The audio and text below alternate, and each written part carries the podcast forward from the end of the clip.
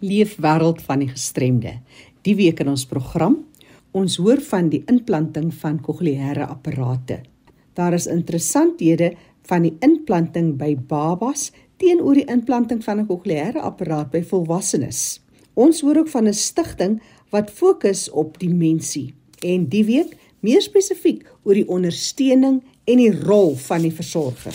Waarna moet 'n mens kyk as jy dalk 'n tuiste soek vir iemand met demensie? En hoe en wat kan versorgers doen om hulle voor te berei vir die unieke rol in ondersteuning van persone met demensie? Nou eers ons nuus en inligtingspulsatie. Campiel Plaas se mark vind weer op die 4de Junie plaas. Gaan kyk gerus na die mooi unieke geskenke vir geliefdes en natuurlik Dalk is daar ietsie vir jouself ook. Dis mooi goed, lekker goed, eet goed, allerlei items en daar's omtrent ietsie vir elke sak en smaak. Daar's heerlike ontbytrolletjies, koffie, afkoelplekkie vir die wat jonk van gees is, genoeg inkopie idees vir die wat daarvan hou en daar is ook 'n lekker koppie tee of koek vir diegene wat daarin belang sou stel. Daar's ook heelwat vir die klein goed om hulle mee besig te hou, van trekkerritte plaasdiertjies voer, gesigverf en perdry onder andere. Hulle bied 'n verskeidenheid van stalletjies wat handgemaakte, natuurlike en organiese produkte beskikbaar stel. Dis van 10:00 tot 2:00 die middag en alle inkomstes gaan vir die Campiel Village, 'n werk en 'n woonplek vir sowat 100 volwassenes met intellektuele gestremthede. Dis op die Klein Dassenbergpad, dit draai af vanaf die N7 in Klein Dassenberg Dis naby Mamasbury. Cheshire Home Somerstrand hou kermis en dit gebeur op die 3de Junie. Daar word fees gevier in die baai, dis kosstalletjies en soveel ander dinge om te kies en te keur van. Indien jy dalk in die omgewing is, gaan kuier gerus en ondersteun hulle. Dis vir 'n goeie doel ten bate van die Cheshire Home Somerstrand in 7 Gomery Ryland Somerstrand. Hulle bied versorging plus ander ondersteuningsdienste aan 57 fisies gestremde persone. Hulle het jou hulp nodig. Onthou vir nuus uit jou geweste kan jy gerus van jou laat hoor stuur 'n e-pos na jackie@rsg.co.za. Ons hoor graag van jou. Maar nou sluit ons eers aan by kollega Fanie De Tooy in die Kaap. Oor na jou Fanie. In 'n vorige program het ek gesels met Dion Seronio en ons het gekyk na gehoorverlies. En so baie mense het na vore gekom veral toe ons nou bespreek het die kwessie van die kokleaire implanting en daarom het ek besluit om weer met Dion Saronio verder te gesels. Welkom by ons by RC Dion. Dankie Fani, dis lekker om weer hier te wees. Nou Dion is 'n audioloog in privaat praktyk daar in Bloemfontein. Dion, wanneer moet 'n mens oorweeg om 'n kokleaire implanting te doen? Dit is 'n vraag wat elke tweede persoon vir my gevra het na ons vorige gesprek. Wanneer gaan die vraag so 'n bietjie met 'n draai um, antwoord is nou almal altyd gesê ons gaan bietjie in die Kaap draai en dan kom ons terug. Maar ek dink as mense praat oor kokleaire implantings moet mens amper dit in twee kategorieë opdeel. Die een is dan um, jou pediatriese populasie en dan die volgende een is dan uh, mense wat gehoorapparate gedra het soos jy wat se gehoor verswak het oor tyd en wat gehoorapparate dan nie meer heeltemal funksioneel is sodat hulle in die horende wêreld kan funksioneer nie. So, um, kom ons begin by die by die pediatriese populasie. Indien daar nou bevind is dat 'n babatjie 'n gehoorverlies het, het die ouers altyd 'n keuse. Daar's gewoonlik twee keuses wat hulle kan doen. Hulle kan kies om die kokleaire roete te loop. Um en dan veronderstel ons dat hulle gesproke taal as 'n medium van kommunikasie gaan gebruik en dan die ander roete is om nie versterking te gee of 'n implanting te doen nie en dan die roete van gebaretaal te te volg. So ek dink um, vir ons gesprek vandag gaan ek dan bietjie meer oor die kokleaire roete praat, ehm um, dat mens bietjie meer vir ouers vertel van wat die proses is vir 'n babatjie om dan op die ouende te oorweeg word vir 'n kokleaire implanting. Ja, asseblief. So as hulle vasgestel is die die babatjie te gehoorverlies en ons probeer dit so vroeg as moontlik doen, ehm um, want en hoe vroeër mens dit kan optel die gehoorverlies hoe beter kan mens dit bestuur en hoe beter is die uitkomste in terme van spraak en taalontwikkeling. So die ideaal sal wees om dan die babatjie um, te identifiseer met 'n gehoorverlies en dan pas ons gewoonlik eers gehoorapparaatjies op 'n proeftydperk. Die rede hoekom ons dit op 'n proeftydperk gee is om seker te maak dat die babatjie wel die um, apparate dra en dat daar wel um, 'n mate van versterking is en om so gou as moontlik stimulasie aan die auditiewe stelsel te gee deur klank aan die babatjie die babatjie aan klank bloot te stel. En dan gewoonlik so 3 maande is die proeftydperk en dan um, kan ons dit begin oorweeg om dan 'n kokleaire implanting te doen en daar sekere toetse wat ons dan doen en die babatjie met 'n scan kry om te kyk of die cochlea dit doen maar ek sien hulle daaroor gesels as ons by die volwassenes kom.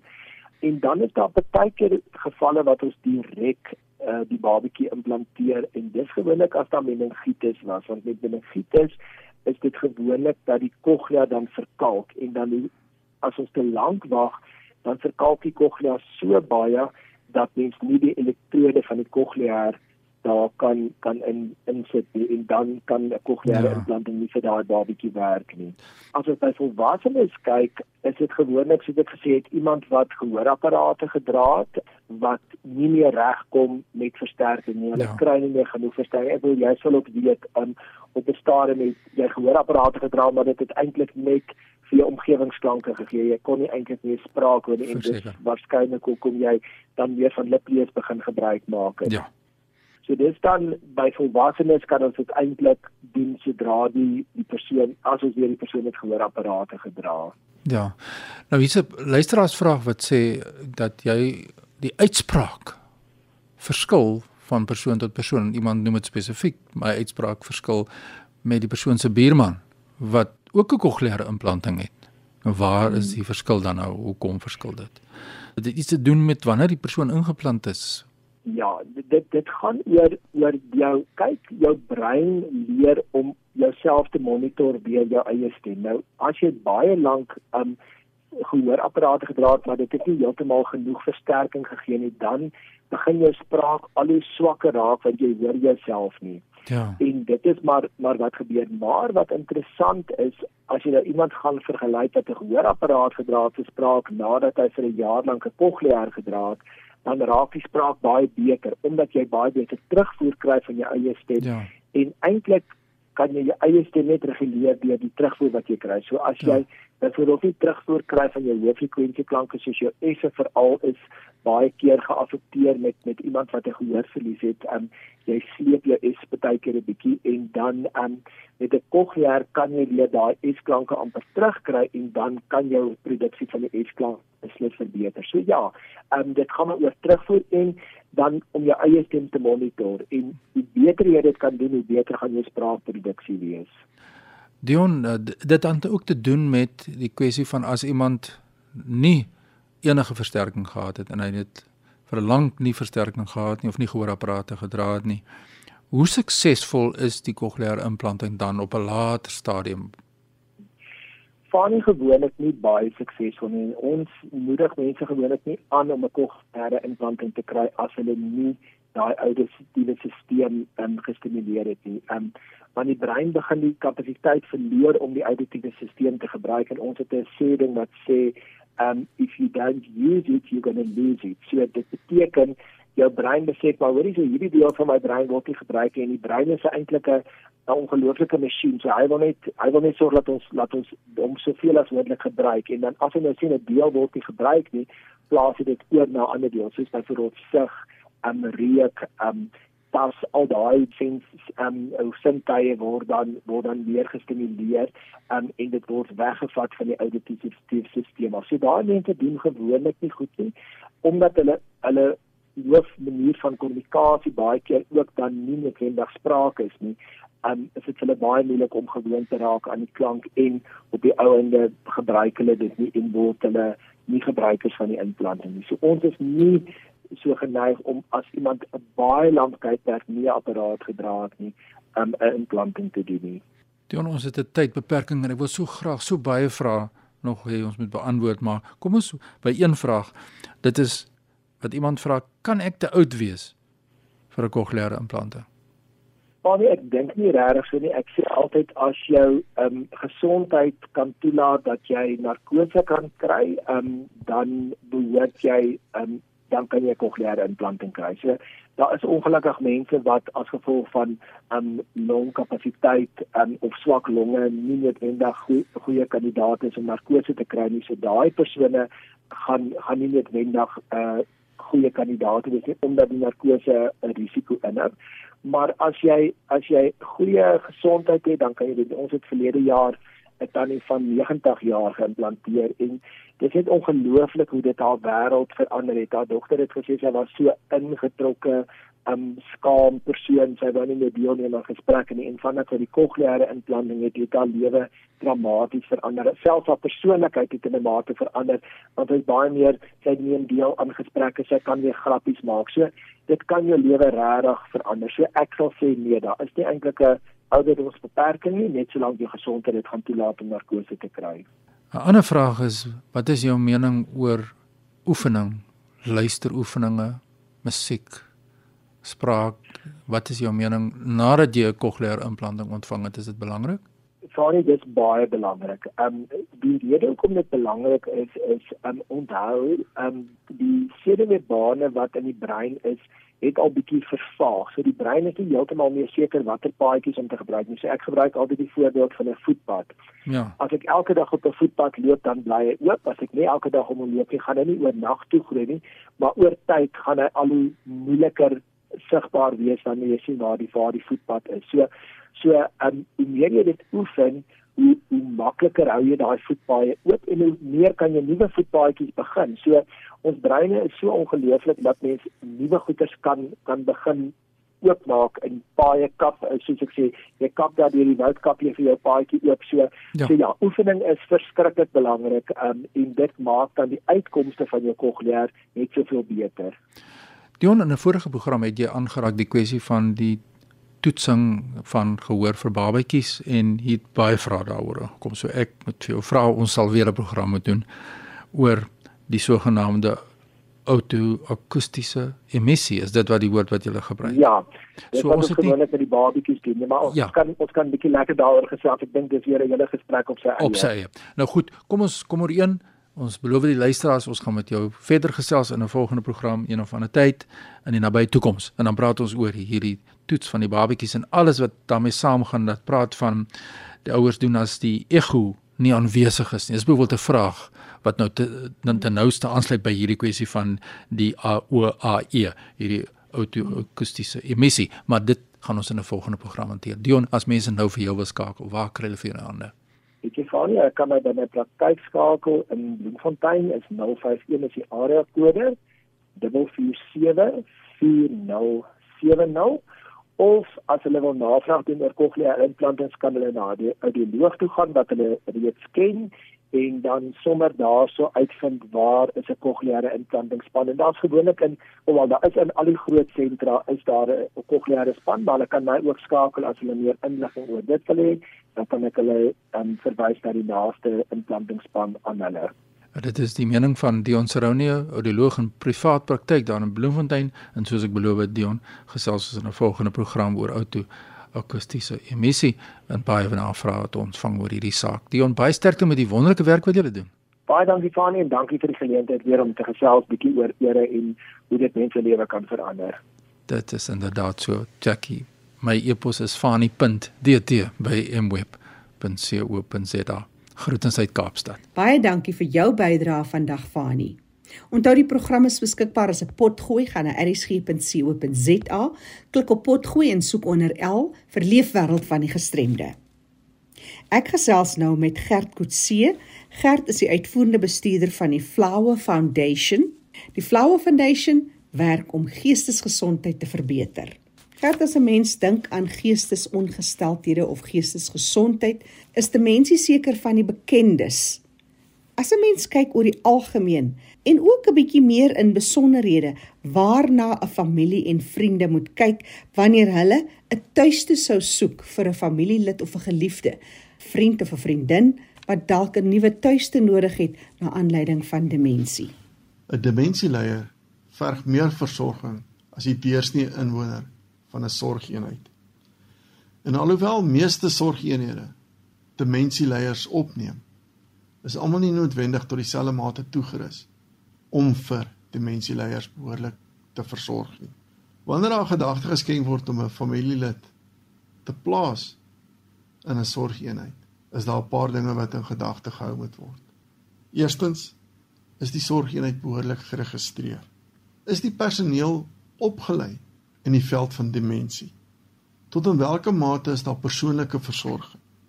En hoe hanteer die personeel dit as 'n demensieleier 'n fisiese uitbarsting het? Die ongelukkige realiteit is dat baie fasiliteite gebruik maak van inperking. Het sy dit is om 'n inwoner in 'n gedeelte toe te sluit, selfs in 'n stoel of op 'n bed vas te bind of van chemiese inperking gebruik te maak. Ons in die Flower Foundation is bevoorreg genoeg om 'n een eenheid te hê wat spesialiseer in demensie. En alhoewel ons demensie inwoners in al ons sorgeenhede het, het ons 'n een eenheid wat spesialiseer in erger sake van demensie. En die eenheid is in so 'n mate toegerus dat die inwoners het vryheid van beweging. As hulle wil, kan hulle in die tuine wandel en sit. Daar's aktiwiteite onder leiding van ons arbeidsterapeut wat aangebied word om om te sien na hulle fisiese welstand. En die programme word so ingerig dat ons ook kyk na hulle geesteswelstand. Die voorkoms van demensie is nogal hoog. So mense is baie meer ingelig oor die simptome en so meer, maar mense kan seker nie genoeg bewusmaking skep oor waarna om op te let nie. Die mees algemeenste hiervan is sekerlik geheueverlies. En mense assosieer geheueverlies en vergeetachtigheid met Alzheimer. En dis nie noodwendig korrek nie. Partymal is vergeetachtigheid maar net deel van die oudwordproses en dis nie noodwendig iets om oor bekommerd te wees nie. Simptome om wel voor op die uitkyk te wees sluit onder meer in geheueverlies ten opsigte van onlangse gebeure, gebrek aan oordeelsvermoë, spraak wat geaffekteer word en dan natuurlik eenvoudige taakies begin verwarrend raak, asook 'n gebrek om uitdrukking te gee aan gevoelens en emosies en gedagtes. Aan die ander kant is die versorgers wat werk in hierdie sentrums van kardinale belang. Omdat mense met demensie nie noodwendig fisies aangetast word nie, benodig hulle baie beslis aan ander tipe van versorging. Dit sluit onder meer in hoë vlakke van toesig, baie ondersteuning en 'n uiterste uiterste mate van geduld. Die aard van demensie is geleidelik En dis 'n siekte wat met verdrag al hoe meer en meer inbraak maak op iemand se lewe. Dit lei ook daartoe dat meeste mense met demensie tuis versorg word.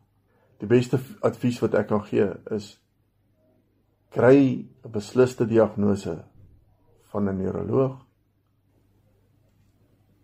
Asook lees soveel as moontlik op oor die toestand waar jou geliefde aan lê.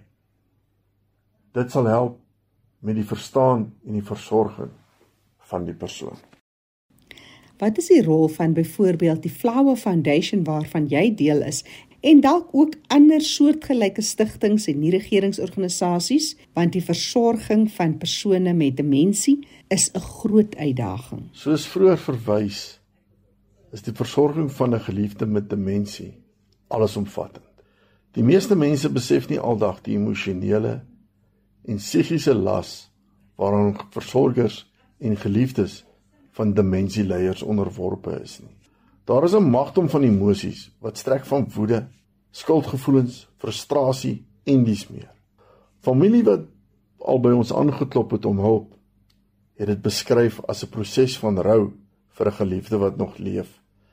Die beste advies vir 'n versorger is om met 'n vereniging of organisasie wat spesialiseer in demensie in verbinding te tree en aan te sluit by ondersteuningsgroepe van mense wat met soortgelyke probleme te doen het vir mekaar van hulp kan wees en ondersteuning. Uitbranding is 'n wesenlike gevaar en kan versorgers lam lê. Hoe kan hulle beter omsien na hulle self en hulle soort van beskerm teen iets soos uitbranding? Die meeste organisasies bied programme aan wat wissel van ondersteuningsgroepe tot inligtingsessies. Asook kort verblyf. Van soms het die versorger ook net 'n bietjie versorging nodig. En baie van die organisasies bied kort verblyf aan waar die familie dalk net vir 'n naweek wil wil wegkom of met vakansie wil gaan of selfs net vir 'n dag wil gaan inkopies doen. En meeste fasiliteite akkommodeer hierdie klas van dienste. Ek dink dit is ook baie belangrik om te weet dat die toevertrouing van 'n geliefde aan mense met spesialistsorg nie noodwendig afstanddoening is van jou versorgingsplig nie. En in baie gevalle die feit dat jy 'n geliefde toevertrou 'n organisasie wat spesialiseer in hulle versorging. Die beste ding wat kan gebeur vir beide partye se welstand. Baie kinders wil en doen ook 'n goeie werk daarvan om self na hulle ouers te kyk. Maar as 'n mens kyk na ouer wordende persone, spesifiek diegene met demensie, wat staan hulle te doen as hulle tot by die besluit sou kom dat hierdie persoon na 'n versorgingseenheid moet gaan? Waarvoor moet hulle op die uitkyk wees? Dis ontsaglik belangrik dat die lewenskwaliteit en waardigheid van 'n demensieleier gehandhaaf word. Te veel sien ons dat fasiliteite mense wat aan demensie ly inperk. Het sy fisies of toesluit in 'n gebou of aan 'n bed of 'n stoel vasmaak. Ek dink as een sou besluit om 'n geliefde te plaas in 'n fasiliteit, moet jy hulle deeglik deurkyk. Kyk wat is die normale doen en late en tot in watter mate inwoners vryheid van beweging het. Ek dink dit is belangrik om te besef dat ongeag die gevorderdheid van die dimensie geen persoon onhanteerbaar is. Dit is nie nodig noodwendig om hulle so in te perk nie. Ek dink dit is bitter belangrik om dit te besef. Ek dink wat net so belangrik is, is dat die familie en die geliefdes van die demensieleier moet gemoedrus hê oor die fasiliteit waarin 'n geliefde geplaas word. Ek dink dis partymal meer streamend op 'n familie om geliefde toe te vertrou aan 'n eenheid waar jy nie noodwendig weet wat die kwaliteit van sorg is wat jou geliefde gaan ontvang nie. Gert Kutse is uitvoerende beampte van die Flower Foundation. Jy kan hulle kontak op 011 781 4920. Onthou vir enige navrae of insette kan jy ook vir my e-pos stuur. Jackie@rsg.co.za. Die program is ook beskikbaar as 'n potgooi. Jy kan weer daarna gaan luister. Gaan na rsg.co.za, klik op potgooi en soek onder L vir Leefwêreld van die Gestremde met vandag se datum. Leefwêreld van die Gestremde elke Sondagmiddag 05:30 tot 5:00 staan onder leiding van Fanie De Tooy en ek is Jackie January. Groete tot 'n volgende keer.